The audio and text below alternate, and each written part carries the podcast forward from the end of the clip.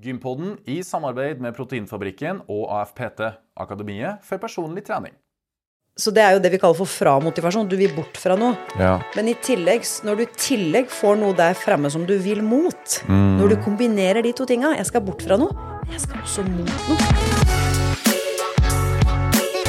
Og velkommen til Gympodden, den joviale pod- og videokassen for deg som er glad i trening, ernæring og den aktive livsstilen. Her får du fagprat, fun facts, digresjoner og ikke minst spennende historier fra gjestemunn. Og dagens gjest er intet unntak.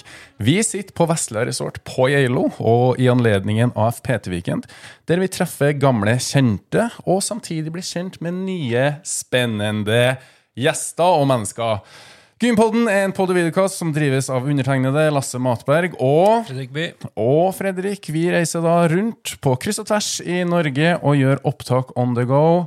Og i dag er vi altså på Vestlia resort. Vi er kan jeg si at vi er godt over gjennomsnittet opptatt av aktivitet, trening og bevegelse. Og i forlengelse av det, Fredrik, har du vært på gym i det siste? Du flirer, du. Jeg flirer, vet du. Nei, jeg har vært litt på reise nå, Ja. Her, så det har blitt litt lite gymtid. Men det har blitt mye aktivitet. ja. I hvert fall her på Geilo. Ja, her på Geilo har det jo vært eh, masse mm. aktivitet. Det er bra. Mm. Enn du? Eh, samme. Ja. Jeg har vært litt på reise, men jeg prøver Jeg, har nok jogga litt mer i det siste enn jeg Oi. har vært på gymmet. Men jeg tenker all aktivitet er bedre enn ingen aktivitet. Så er det jo det Jeg har et mål om å springe halvmaraton i Trondheim.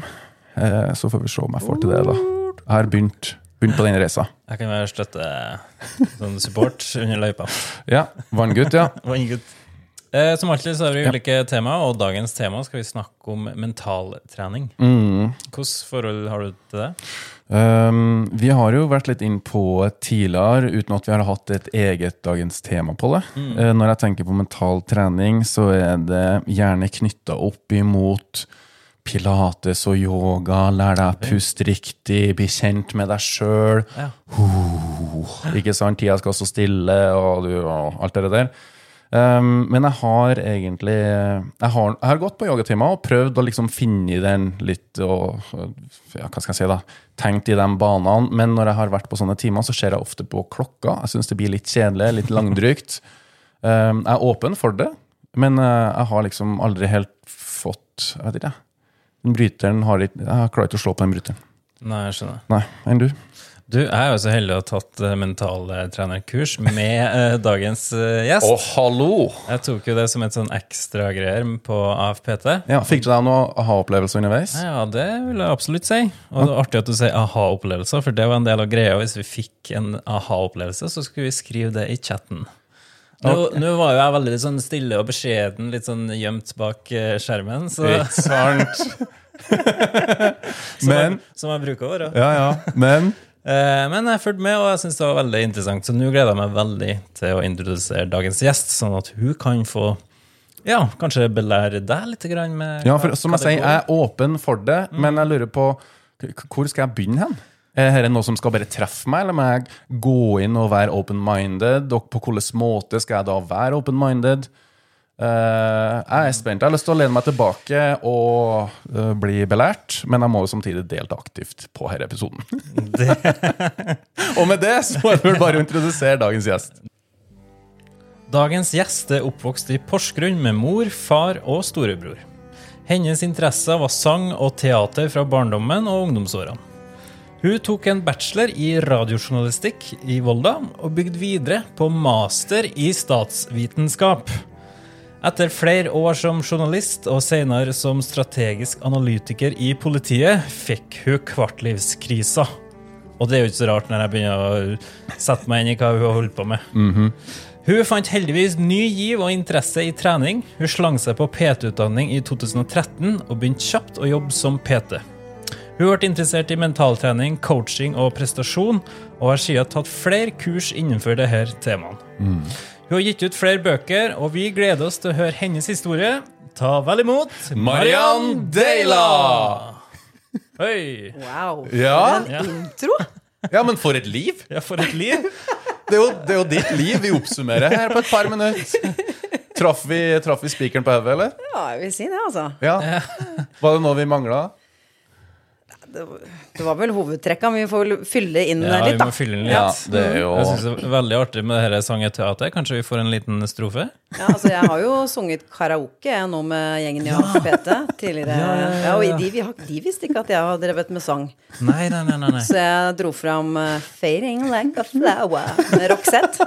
Men vi hadde jo svensker her, og det var litt sånn Espen Arntzen bare Wow. Visste ikke at du kunne synge! Ja, men det hadde ikke vært noe moro hvis jeg hadde sagt det på forhånd. Nei. Kjørte du litt sånn jazzhands i tillegg? ja, ja. ja. Jazz og vrikking og ja, ja. Full pakke. Det var show.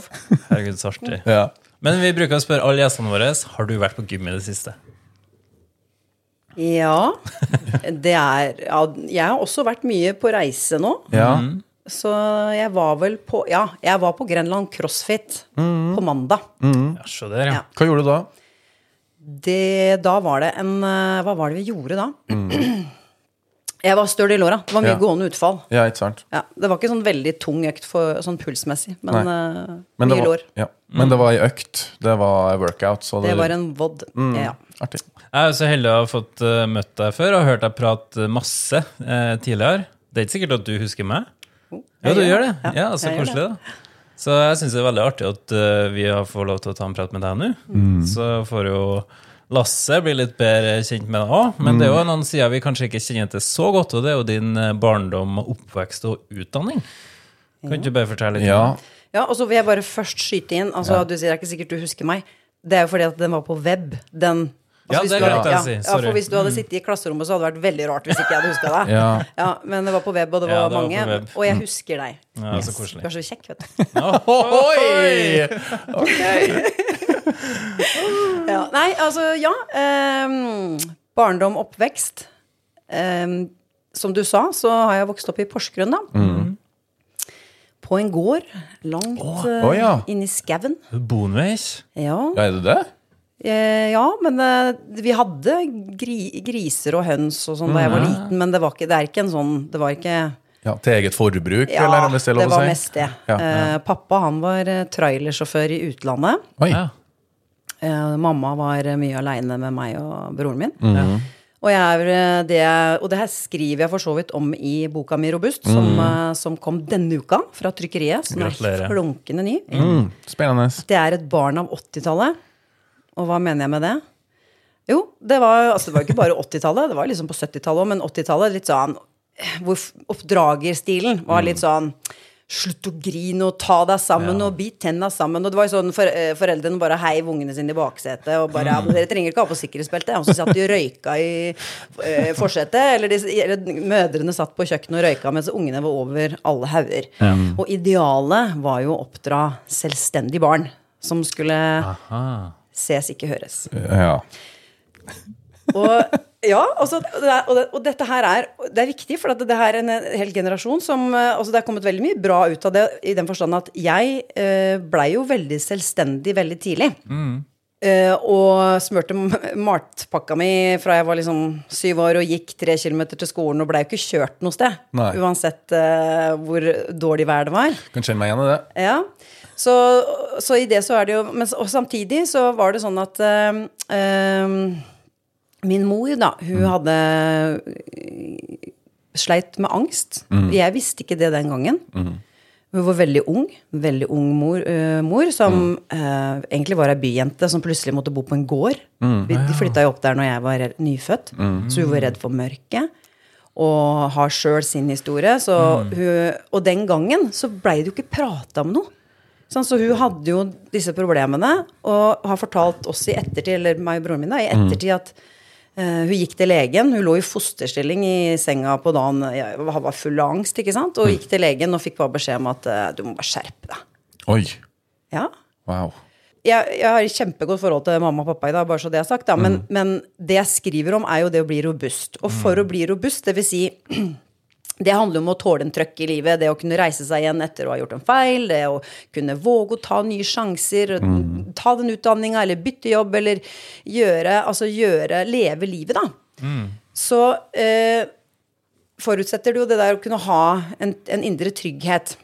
Og min oppvekst Ja, jeg blei jo en duer. Altså, jeg blei en sånn derre eh, For jeg måtte bli selvstendig, og sånn er barn. De er så tilpasningsdyktige. Så jeg blei en sånn Heldigvis så var jeg flink på skolen og hadde gode venner og sånn. Eh, og jeg blei en sånn litt sånn flinkis. En eh, som eh, livnærte meg på eh, litt den derre Wow, så flink Marianne er. Oh, ja. Litt sånn Tok du ting lett, eller var det et strev?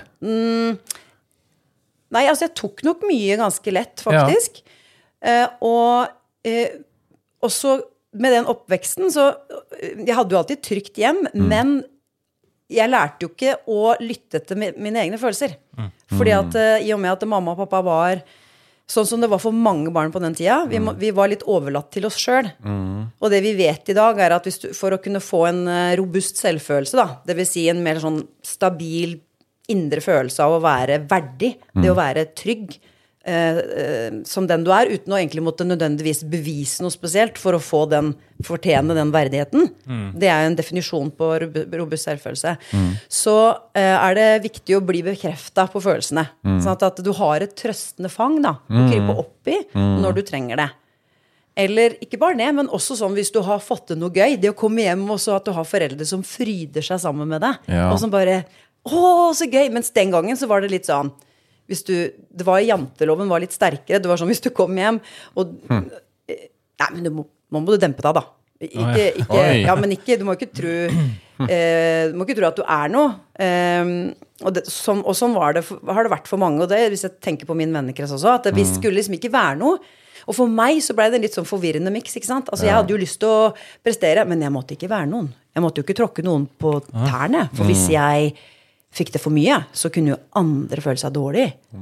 Så det blei en litt sånn ja, Så gjennom oppveksten så blei jeg Jeg ble en sånn eh, flinkis.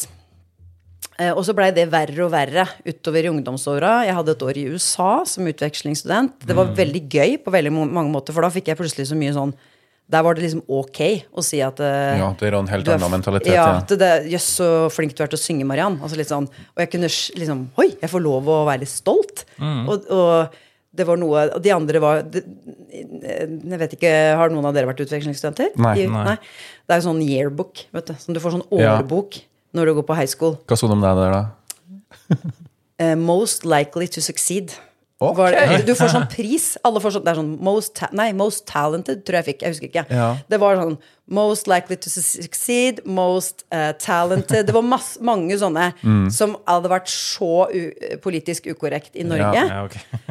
Og det var jo på mange måter bra for min selvtillit, da. Men samtidig så ble jeg enda mer sånn når jeg kom hjem, så var jeg bare Jeg var som en maskin når jeg kom hjem. Fordi at da fikk jeg så mye bekreftelse på at jeg var flink.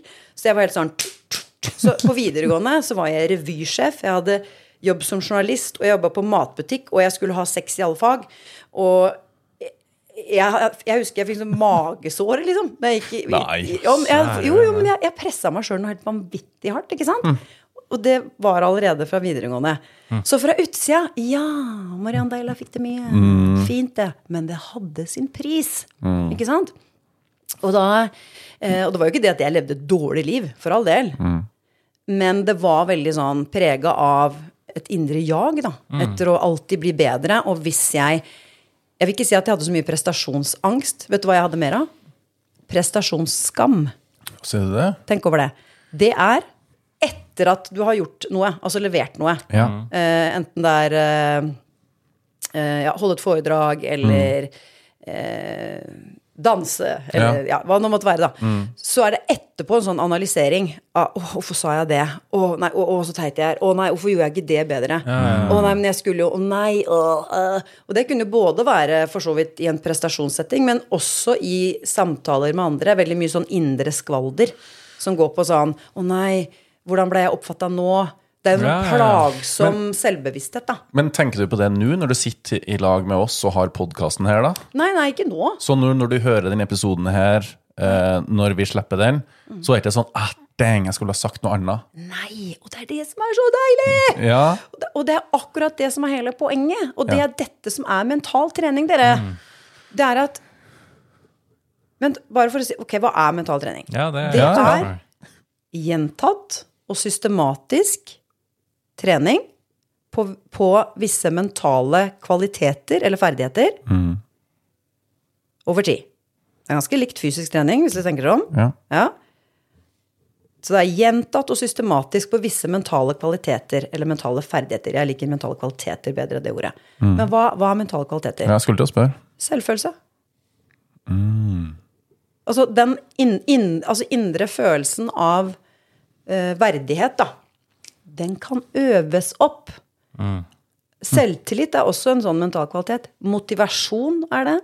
Og så har du mange, selvfølgelig, ja, selvaksept eller eh, selvomsorg. Altså alt dette her er Det er mentale ferdigheter, kvaliteter, som kan øves opp når det blir satt i system.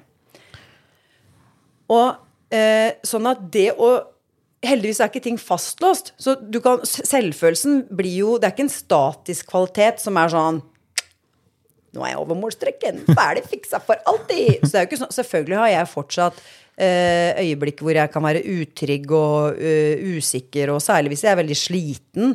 Eh, Da kan gamle mønstre blusse opp. Det har dere sikkert opplevd sjøl. At hvis dere er ikke har sovet nok, dere har vært under mye press over tid, eh, så blir dere mer sårbare. Kanskje mer eh, hvis, avhengig av hvilke mønstre dere har. Alle har vi noe. Om det er at vi eh, er selvkritiske eller eh, lett føler oss krenka, eller hva det måtte være. ikke sant? Altså, vi kan bli mer sårbare når vi er slitne. Men det er ikke det Altså, det å skulle bli mer mentalt sterk, det handler ikke om å alltid føle seg happy go lucky og bare livet er en fryd. For det er ikke det det handler om. Det handler om å kunne håndtere livets svingninger på en måte som gjør at du raskt reiser deg igjen, eller at du klarer å stå Altså, det kjipe ting skjer, men du står i det. Å kunne gå fra, for min del, da, ha mye uro til å kunne slappe av mer med meg sjøl. Og faktisk prestasjonsskammen, Lasse. Den, ve- det er faktisk en ting som Den er mer eller mindre borte. Jeg kan fortsatt bli irritert på meg sjøl hvis jeg sier eller gjør noe dumt. Eller hvis jeg leverer noe som ikke er fornøyd med. Men det er noe annet enn å skamme seg. Da kan jeg bli mer sånn ah, eh, det, det var dritt. Men så er jo da Det jeg gjør, er f.eks. å skrive ned lærdommen. Og så skriver jeg det skriver det ned. Det lærte jeg. Neste gang skal jeg gjøre det annerledes. Så jeg, gir jeg, får jeg ro med det. Og så er det den aksepten, da. Det der å klare å tåle den følelsen. Anerkjenne. Jo, men det her handler jo bare om at det var viktig for meg. Det er jo ikke det at eh, Selvfølgelig, Følelsene oppstår jo Det er jo signaler. Det er jo informasjon. Å kunne kjenne igjen hva det er som skjer, da. Og vite hva du skal gjøre med det. Jeg ser du rynker brynene. Er litt Du, sånn, det, du er rynket på brynene. Jeg bare prøver å ta innover meg det du sier. da Her er det mye Ja, her er det mye Mye informasjon. Mye informasjon, ja, som Ja. jeg prøver å prosessere. Ja. ja, og det er mye Det er jo et stort felt, da. Mm. Så, så jeg tenker liksom essensen da handler om at eh, jeg forteller jo min historie i Robust. Ikke fordi at min historie den, den er verken spesielt unik eller rystende. Eller, den, er, det er en veldig, tenker jeg, vanlig oppveksthistorie for et, en voksen person da, i vår tid. Ja. Eh, og, og, som, og, ma- og det handler ikke om å liksom fordele skyld eller være bitter over eh, ting som har skjedd i barndom. Det er ikke det som er poenget. Poenget er å forstå. Sant? For i dag, da Hvis dere tenker i deres liv, så er det kanskje visse situasjoner hvor dere blir negativt trigga. At dere kanskje kan bli føle dere mer urolig urolige enn dere ønsker, eller utrygge visse arenaer. Er- Det er jo ikke på alle arenaer, men det kan være visse områder i livet hvor dere kanskje føler dere begrensa. Ikke sant? Og så har dere ikke lyst til at det skal være sånn. Eh, og da handler jo det å jobbe mentalt, da. Uh, det er jo derfor det fins coacher og mentaltrenere, for det er ikke så lett å gjøre det helt aleine uten noe veiledning. Men det handler jo da om å liksom bli klar over ok, dette er det jeg har i livet i dag som jeg ikke vil ha. Kanskje det er for mye dominert av visse negative følelser eller ubehagelige følelser. Så vil jeg ha mer av de gode følelsene. Som eksempel ro. Det, det går igjen blant kundene mine også. ikke sant? Ro. Jeg vil gjerne føle meg roligere. Jeg vil føle meg tryggere, og jeg, vil, jeg har lyst til å føle meg tryggere, mindre påvirka av hva andre mener eh, og hva som skjer der ute. Jeg har lyst til at jeg skal liksom stå stødigere i meg. Eh, og at det skal være mer stabilt, og ikke så dominert da, av det andre, da, som er gjerne frykten for å gjøre feil, eller skam, eller selvkritikk, eller ja, stress. Negativt stress, da. Men vi sa jo innledende at uh, du fikk den kvartlivskrisa di. Mm. Hva var det du liksom Hva var det du skjønte da? At her må jeg endre ting? Ja, Det var jo i, i den spede begynnelse, kan jeg si. Derfor, altså, sånn, fra eh, 20-åra var jo de kanskje verste åra for meg sånn helsemessig. For at da hadde jeg ingen bevissthet rundt hva det var jeg holdt på med. Jeg bare sprang rundt i hamsterhjulet som en gærning. Ja. Det, det var liksom Men hva var det du jaga da? Vet du det? Ja, det er et godt spørsmål. Var det fear of missing out, eller var det Det var kanskje mer hva jeg unngikk. Savna du en bekreftelse? det-? Jeg fikk veldig mye bekreftelse, men jeg tok det ikke innover innover meg nesten. Det var sånn eh, Jeg fikk mye ytre bekreftelse da, på, på at jeg var flink. Men hva, når du spør hva var det som dreiv meg, så var det mer kanskje hva jeg prøvde å unngå. Jeg prøvde å unngå å gjøre feil. Mm. Eller å bli avslørt. Altså prøvde å unngå eh, kanskje en sånn følelse av eh, å ikke strekke til, da. En følelse av å ikke strekke til som kanskje lå under og bak, men som ikke jeg hadde noe bevissthet rundt. Og så hadde jeg heller ikke helt kanskje spurt meg sjøl hvorfor gjør jeg det jeg gjør. Jeg var jo en journalist som hadde jo tidspress hver dag, ikke sant. Jeg har jobba både journalist og, som journalist i avis og radio. Og det er sånn. Jeg jobba i VG. Og Det var jo der jeg deadlines. begynte, ja, og det var sånn den gangen i VG. Det var sånn Altså, jeg elska jo den kulturen. Sånn sett, den prestasjonsjageren i meg elska jo den, for det var vinn eller forsvinn den gangen. Det var sånn 30 av stoffet som blei skrevet den gangen, blei kasta. Så bare det å komme på trykk så, jeg, og, så det var jo liksom å trykke på alle knappene mine. ikke sant? Så det var jo, Jeg jobba jo fra morgen til kveld. Jeg husker av avdelingssjefen bare 'Mariann, du, du skal ikke ta litt fri, da?' Liksom. Nei! For, jeg, for min mentalitet var 'hvile er for pyser'. Nei, fy filler'n, altså. Det kan jeg gjøre i et neste liv. Altså. Jeg hadde ikke tru på å hvile. Altså, jeg, jeg var så hard. Jeg, og jeg var jo det mot andre òg. Hvis det var sånn at liksom de, de, jeg, jeg fikk jo høre husker jeg, på sånne sommerfester at de var litt redde for meg, da. For det, de her eh, kollegaene mine. For jeg satt og så så konsentrert ut der jeg satt og skrev manisk på det tastaturet mitt. Eh, så, så det var Og, da, og så var, det som skjedde, var jo da at jeg mens jeg da jobba Jeg takla jobben, men det som skjedde, var at jeg også eh, Det skjedde ting på privaten. Jeg hadde en øh, kjæreste som det skjedde som ikke var så grei, også som Uten å gå inn i det, men det var Jeg hadde, klarte ikke helt å liksom stå opp for meg sjøl i den relasjonen. Og så skjedde det kjipe ting der. Men jeg ville ikke forholde meg til det. Fordi at jeg eh, var ikke Jeg Nei. Det, jeg, det her kan jeg ikke Så jeg kom meg ut av det forholdet. Bare, nei, det her gidder jeg ikke å dvele med. Jeg, orker jeg har ikke tid til de greiene her. Og så jobba jeg. Men uten å ta hensyn til at jeg faktisk hadde blitt skikkelig såra. Og tråkka på, egentlig. Men jeg tok ikke hensyn Nei, nei, det! Og så begynte neglen å flise seg opp. Uff da, ja, kanskje ja, ja, men det er sant. Ja, men det, var- jeg gikk ned i vekt. Og så våkna jeg igjen da, og så fikk jeg liksom ikke puste. Altså jeg klarte ikke å Så kroppen min gikk inn i en sånn derre Oi. Eh, og det var fordi at jeg var så hodestyrt. Alt skjedde oppe på vilje og disiplin og jobba hardt uten at jeg lytta til kroppen. Og sånn holdt jeg på i 20-åra, men det var bra at det skjedde. Fordi at det var jo det første steget. liksom, Ok, nå skjønner jeg at det er kanskje noen, jeg har noen usunne mekanismer her, og det er et eller annet her som ikke er helt bra. Eh, Men det var et veldig sånn langt svar på det spørsmålet. fordi at det her var for, for eh, 20-åra var veldig prega av det at jeg hadde veldig mye smerter i mm, korsrygg, sete Ja, fysiske smerter. fysiske smerter i kroppen min Ja. fordi at jeg ikke håndterte følelsene mine. Det er kortversjonen. Jeg, jeg forholdt meg ikke til, til vonde følelser. Ikke sant? Og så setter det seg i kropp. Pust. Hvordan døyva du det, da? Med å jobbe mer? Jobbe. Eh, trente du? Eh, Ja, trening òg. Jobbing, trening, festing. Ikke sant? Ja, ja, I 20-åra. Det var mye av de tinga. Mm. Jobbing, festing, tre trening. Ja.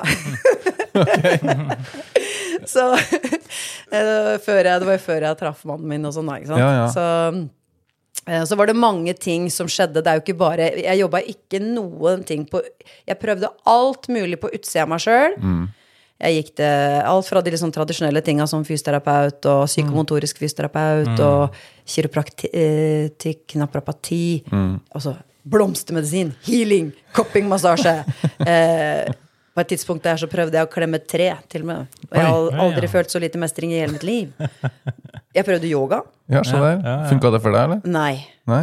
For jeg hadde, altså det nytta jo ikke for meg på det Jeg var jo, jeg var jo så anspent, og det var så mye uro. Skulle sitte inne i et rom. Jeg husker det så godt. Jeg skulle sitte i sånn skredderstilling. Det var på Majorstua, husker jeg.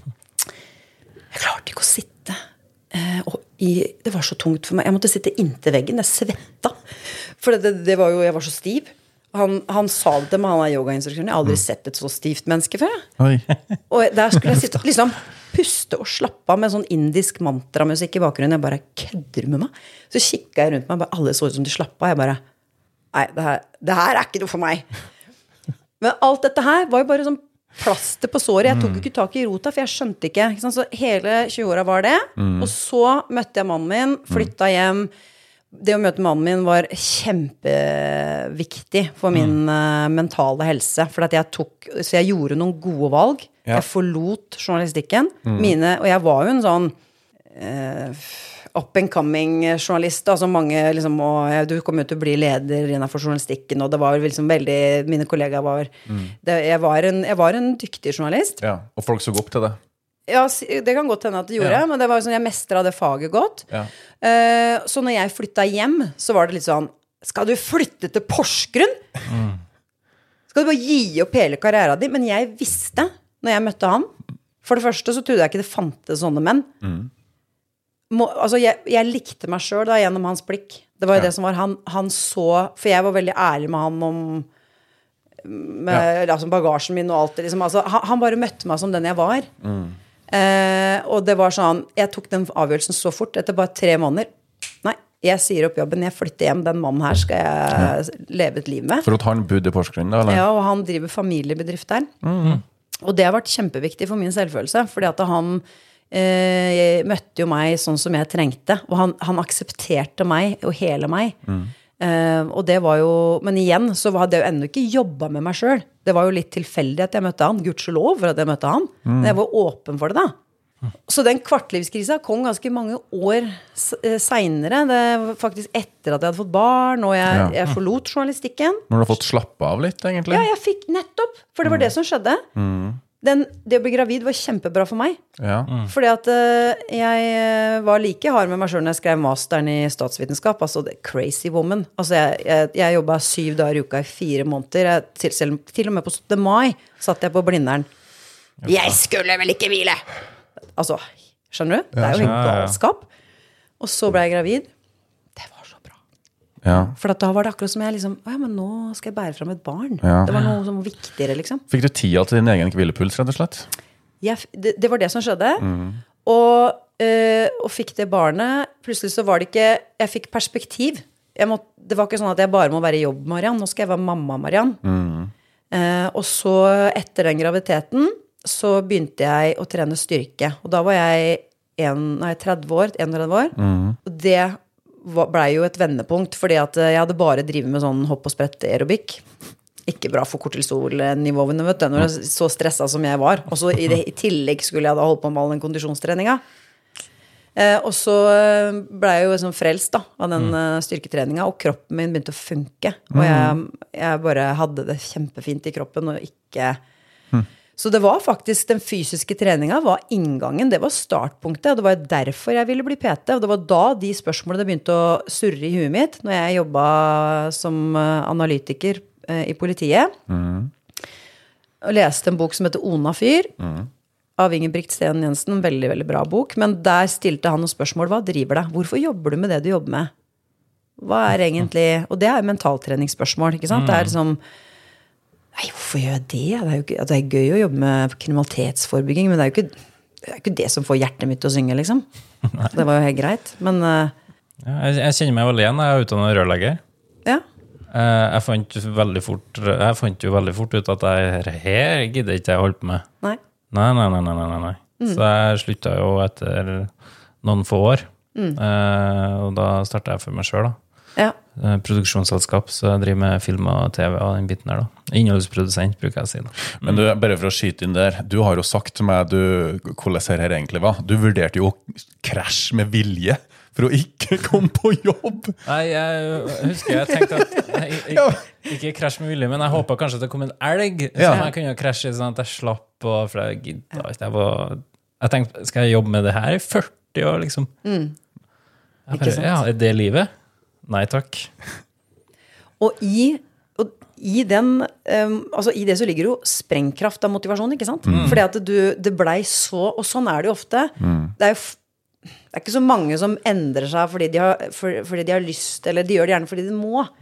Og det er fordi at situasjonen vi er i, blir så dritt på et eller annet tidspunkt at jeg bare må skape en endring. Ja. Det bare bygger seg opp, og så gir det en og da, Så det er jo det vi kaller for framotivasjon. Du vil bort fra noe. Ja. Men i tillegg, når du i tillegg får noe der fremme som du vil mot, når du kombinerer de to tinga Jeg skal bort fra noe, men jeg skal også mot noe som gir meg noe. Ja. Og det var det jeg kjente på i den prosessen. Ja. Eh, for jeg hadde det helt greit i politiet, men det var litt kjedelig. Jeg kjeda meg. Jeg satt jo inne på et kontor med Excel-ark og ja. Altså, jeg, jeg hadde helt Så- greit, jeg òg, men jeg, jeg, jeg kjeda meg. Kjeda deg, ikke Ja. sant? Og så når du Å, men jeg skal jo hjelpe mennesker til å få et bedre liv! Det er jo det som er mitt kall! Ja, så var det jo bare å kjøre på, da. Ah, digg, altså. Jeg husker veldig godt den perioden øh, for min del. da. Ja.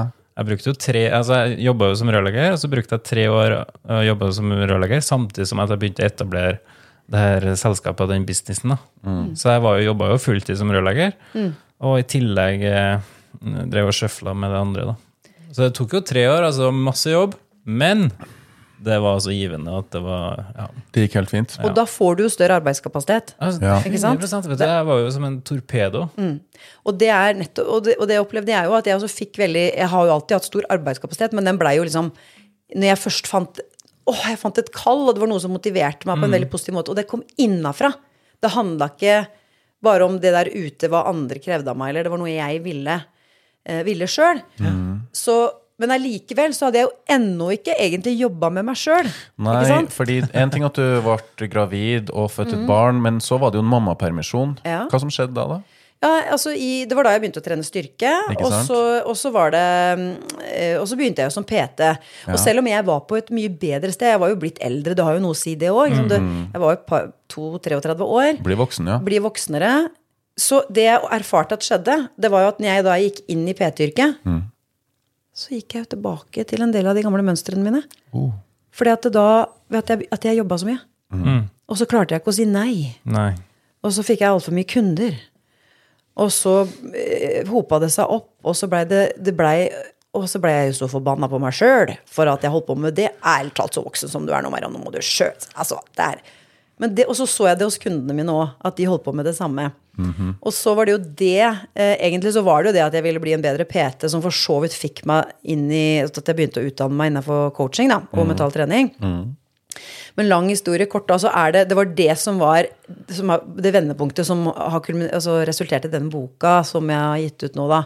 Eh, at endelig så skjønte jeg at Jeg skjønte for det første at det handla om selvfølelsen min.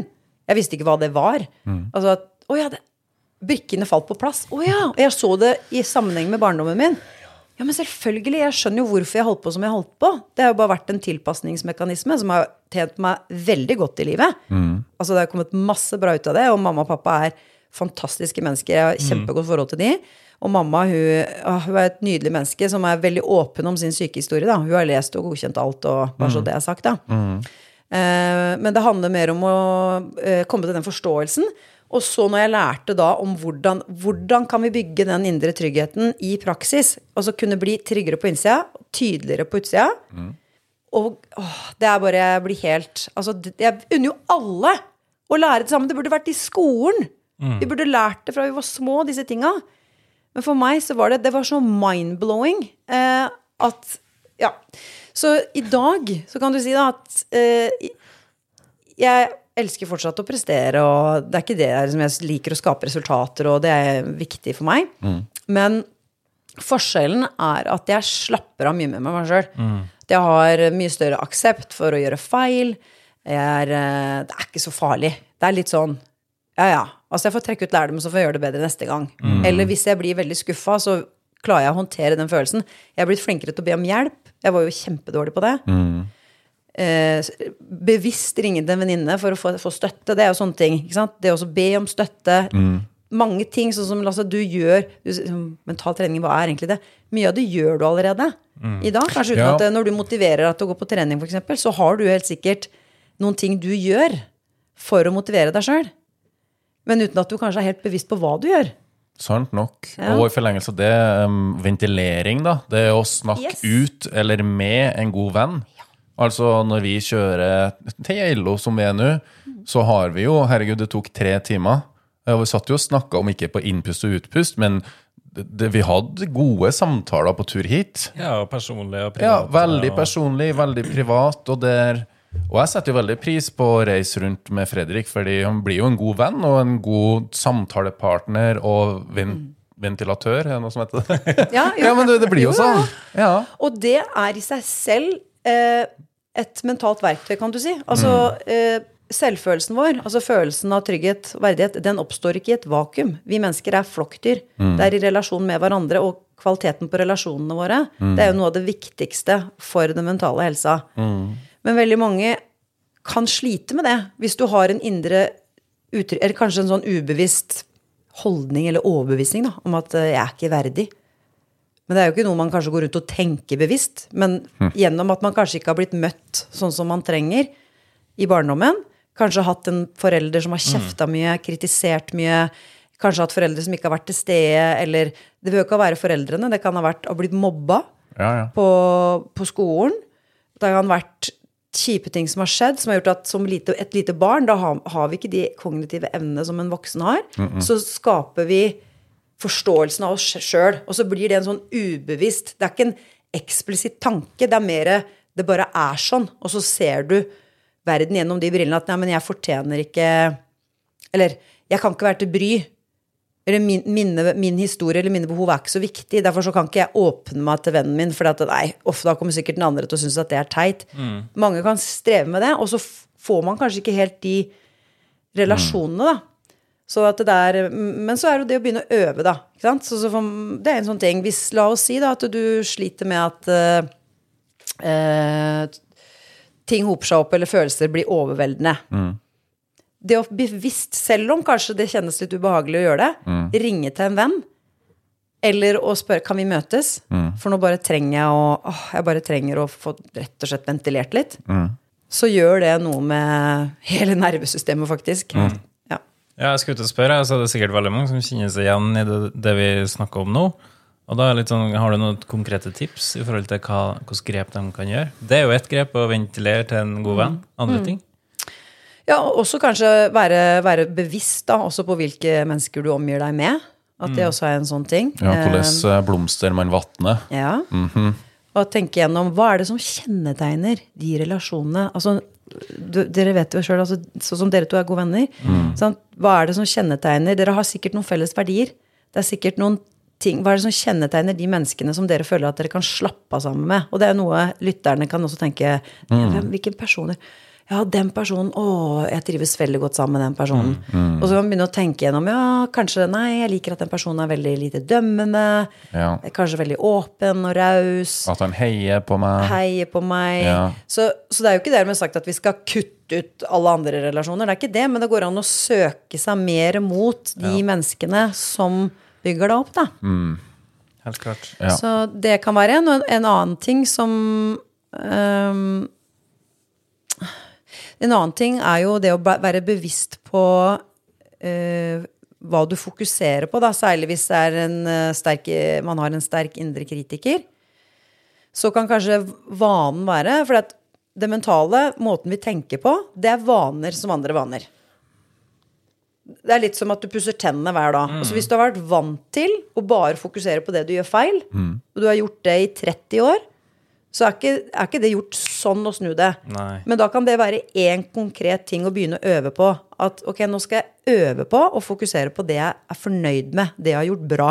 Og det kan være f.eks. hver kveld.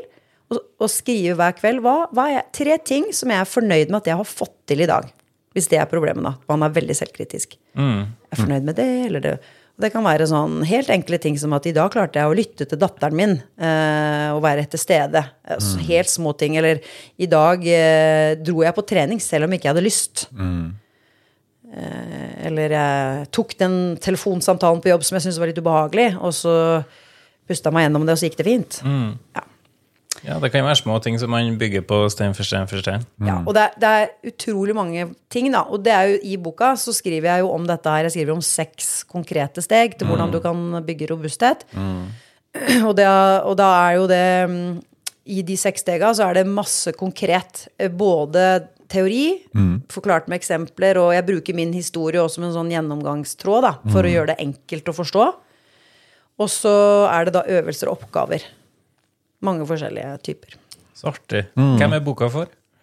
Den er for eh, eh, jeg har jo en hovedsakelig Den er jo for alle. Men Ja. når jeg har sett for meg idealleseren, så er det en person mellom 35 og 50, eller mellom 30 og 55, som eh, bo, Det er egentlig to. Det er både de som har en tendens til å være veldig ja-mennesker.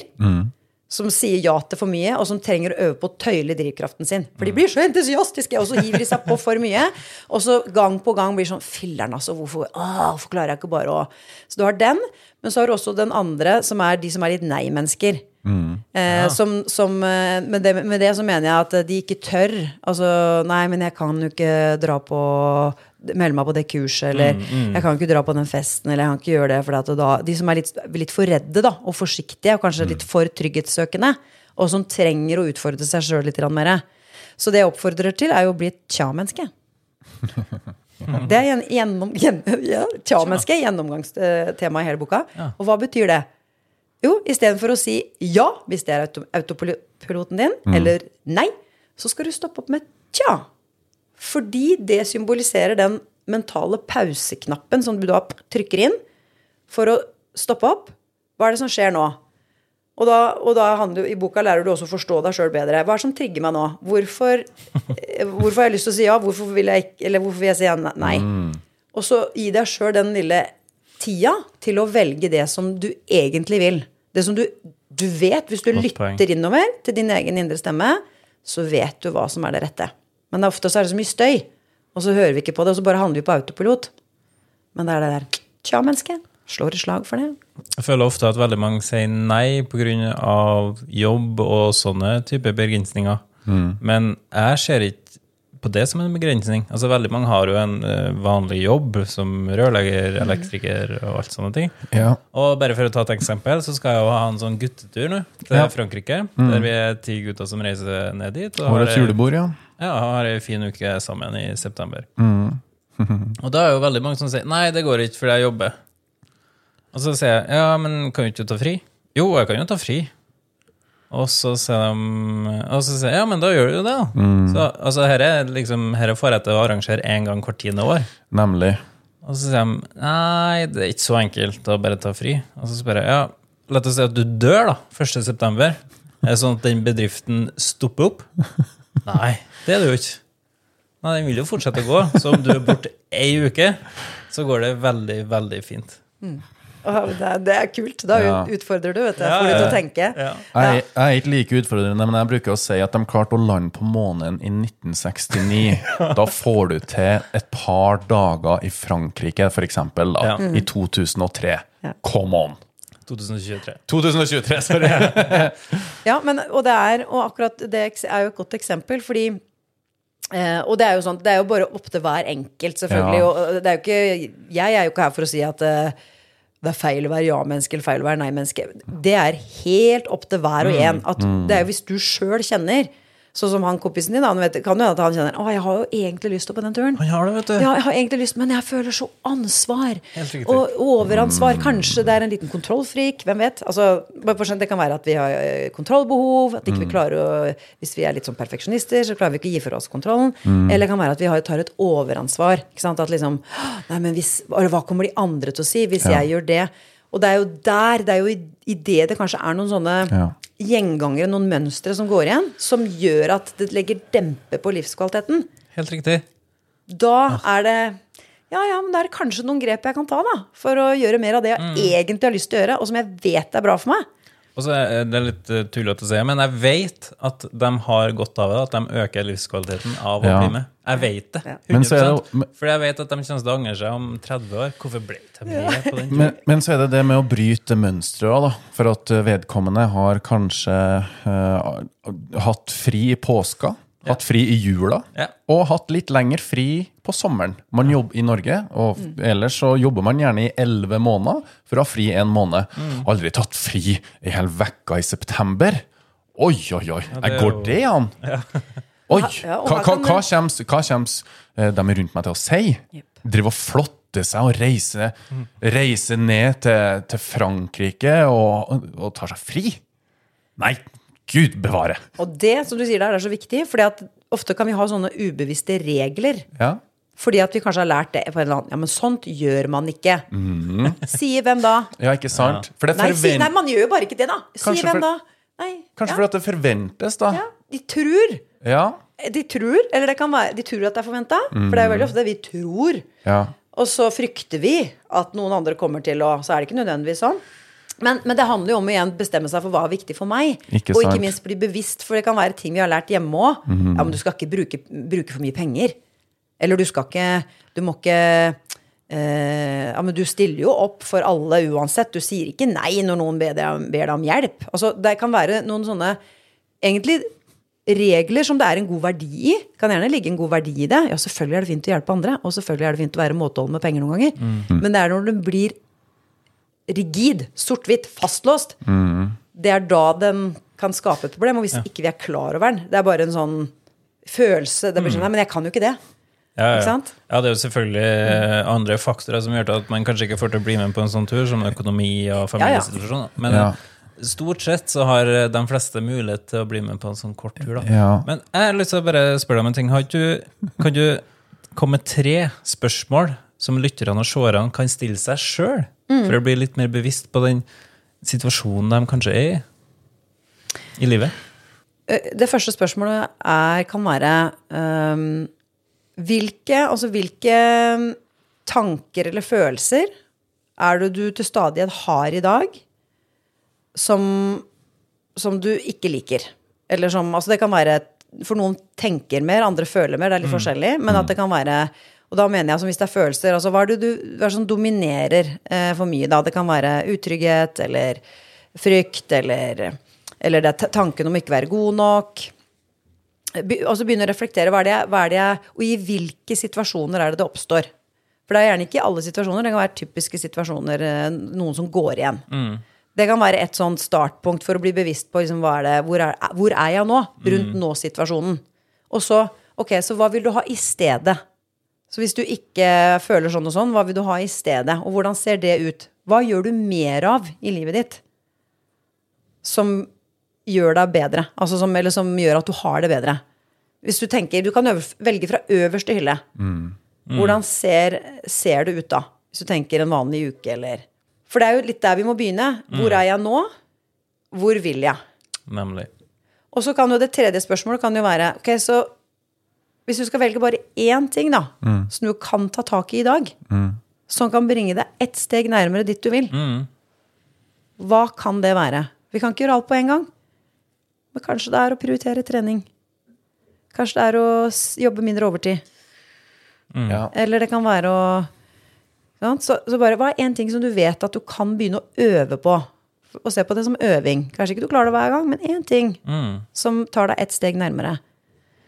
Og så må de lese boka mi hvis de skal finne ut av alt det her midt imellom. For da kan det være mange følelser og masse ting. Men, men, er allikevel så er det alltid noe vi kan ta tak i uten at vi må nødt til å gå og grave i dypet av oss sjøl. Vi må jo ikke alltid gjøre det. Men det kan være eh, for, fordi at jeg er ganske sikker på at lytteren vet det allerede. Ja. Vet allerede er jeg vi, vi Ja. Når- det, det tror jeg også. Når jeg blir kjent med nye mennesker, så bruker jeg å spørre oppi all smalltalken, så bruker jeg å spørre eh, hva gjør du på fritida di? Har du en hobby? Ha, har du noe som er bare ditt, og som gir deg energi? Det kan være alt fra å gå på trening til å drive med keramikk, til å samle på frimerker, eller pusse de sølvmyntene du har i en perm. Alt, hva er din hobby? Hva er din you-time? Mm. For det tror jeg er veldig, veldig viktig. i det spørsmålet så kan det ligge så Eller i svarene på det spørsmålet så ligger Ja. det jo så mye gull, tenker jeg. Og, det er, og mange kan ha problemer med det. Å svare på det. Hva liker du å gjøre? Ja. Bare for deg. Ja, Nei, jeg vet ikke. Men bare spørsmålet setter i gang en prosess, ikke Ja. sant? For at det blir sånn Shit, hva er det Nei, jeg hva er det jeg gjør? Nei, det, er- det, det, det er jo å stå opp om morgenen, og så er det jo jobb, og så er det barn, og så er det, og så er det det jeg må gjøre på hjemmebane, og så er det å være husmor eller husfar, og så kommer natta, og så Sånn går det dagene, og sånn går det ukene, og sånn går det månedene, og sånn går det årene. Det du gjør med det spørsmålet der, som er så bra, det er at du eh, tilrettelegger for bevisstgjøring. For det er Ja. det du gjør. Eh, og det er det vi gjør også i mental trening og coaching. Vi stiller spørsmål. Det er, ikke, det er ikke opp til meg å fortelle Fredrik åssen han skal leve livet sitt. Han vet det sjøl. Ja. Eh, det jeg gjør, er jo å stille spørsmål som får Fredrik til å søke inn i seg sjøl og finne sine svar. Ikke sant? Sjølrefleksjon. Mm. Sett noen triggere der. Ta styring på eget liv. Ja. Hvor får man kjøpt boka di? Den får du kjøpt overalt. Det er Ja. bare å gå inn på ark.no, nordli.no, alle bokhandlere på nett. Og så er det nok litt forskjellig hvilke fysiske butikker som har den, men Nordli er vel den kjeden som har flest av bok, eller mest av boka per nå, i hvert fall. Eh, ja. Så bokhandel er der jeg anbefaler å kjøpe den nå. Og så er du ikke bare forfatter, altså du driver jo en business rundt det her, her med mentaltrening. Ja, du, har du foredrag? Ja, eh, noe. Jeg holder mye kurs, da. Ja. Så, men eh, jeg holder eh, noe foredrag også. Mm. Det bør du absolutt gjøre mer. Jeg syns dette var en veldig interessant prat. Så hyggelig. Ja. Det må framsnakke deg i forhold til det mentaltrenerkurset som jeg tok, som var på web, selvfølgelig. Der jeg gjorde en formidabel innsats sammen med din gode kollega Alexander. Så det anbefaler jeg virkelig. Og hvis du er nysgjerrig på det tematikken vi snakka om, så kan du ta kurs gjennom AFPT, selvfølgelig. Tusen takk. Og det er jo, ikke, og det er jo tre helger, så det er liksom fint å kombinere ved siden av jobb. Og det er, 100 ja. Og så er det jo Du har jo din egen hjemmeside, så det vil du jo finne masse informasjon. Mariandeila.no. Der eh, kan du, og på Instagram så er det at mariandeila. Som der også deler jeg mye ja, om mental trening og ulike tips. Før vi runder helt av, Mariann, hva er ditt beste helsetips? Det er å tenke at litt alltid er bedre enn ingenting. Og da gjelder det nesten uansett hva du skal gjøre, faktisk. Men uh, særlig knytta til trening, da. Som uh, Største felle er alltid eller ingenting-tankegangen. Så husk at litt er alltid bedre enn ingenting. Bare Og du nevner trening. Hva er ditt beste treningstips? Det går jo litt på motivasjonen igjen, det her òg, da. Men eh, den, den beste treninga du gjør Eller den beste treninga, den aller beste treninga, det er jo den du faktisk gjør. Så enkelt Ja. kan det sies. Så Ja, ja. Velg å gjøre det du syns er moro, Ja. og som gir deg mestringsfølelse, og som bygger deg opp. ja. Og bare gjør det. Yep. Ok, da har vi siste spalten vår. Det er ti kjappe. Så du får eh, to alternativ, Ja. og så skal du svare så fort som mulig. Ja. Er du klar? Proteinshake eller proteinbar? Proteinbar. Eh, tren med pulsklokke eller ikke? Ikke. Hjemmetrening eller tren på gym? Tren på gym. Mentaltrening eller fysisk trening? Begge deler. Eh, jogge ute eller inne? Ute. Skrive bok eller være PT? Skrivebok. Porsgrunn eller Oslo? Porsgrunn. Kaffe eller energidrikk? Kaffe. Soloppgang eller solnedgang? Soloppgang. Tur i parken eller tur på stranda? Tur på stranda. Hoppe i fallskjerm eller hoppe i strikk? Hoppe i strikk. Kostholdsplan eller freestyle-tallerken? Freestyle. Småbruk eller leilighet? Leilighet. Dekning på telefon det flymodus? Eh, Dekning på telefon. Generell oppvarming eller spesifikk? Generell. Lære noe nytt eller, eller lære bort? Lære noe nytt. Tøye ut eller reise rett hjem etter trening? Reise rett hjem. Fredrik eller Lasse? Begge. Det er mange som svarer det. Fredrik. Og siste trappa eller heisen. Trappa. Bra. Artig å snakke litt om eh, mentaltrening og den biten der. Ja, det er det. Eh, vi skulle jo ha tatt en eh, dypere prat om det, syns jeg. Det er jo et eh, stort tema som eh, omfatter oss alle sammen. Kommer gjerne tilbake igjen, jeg. Ja, vi kommer nok til å in- intervjue deg en gang til, tenker jeg. Ok. Så får vi tatt eh, dypdykk i materien. Ja. Og plutselig har du ei ny bok som vi kan snakke om. Ja, Så man vet aldri. Og med det så er det egentlig bare å si tusen hjertelig takk for praten. Takk for at jeg ble invitert. Ja, den, var, den satt. Den satt, ja. Den satt, og jeg håper jo at eh, lytterne, både lytterne og seerne har like mye igjen for denne episoden her som jeg og du kanskje, Fredrik, har. Absolutt. Ja. Eh, På gjensyn eh, og ny episode av Gympodden hver, hver torsdag framover. Hei og hå. Hei og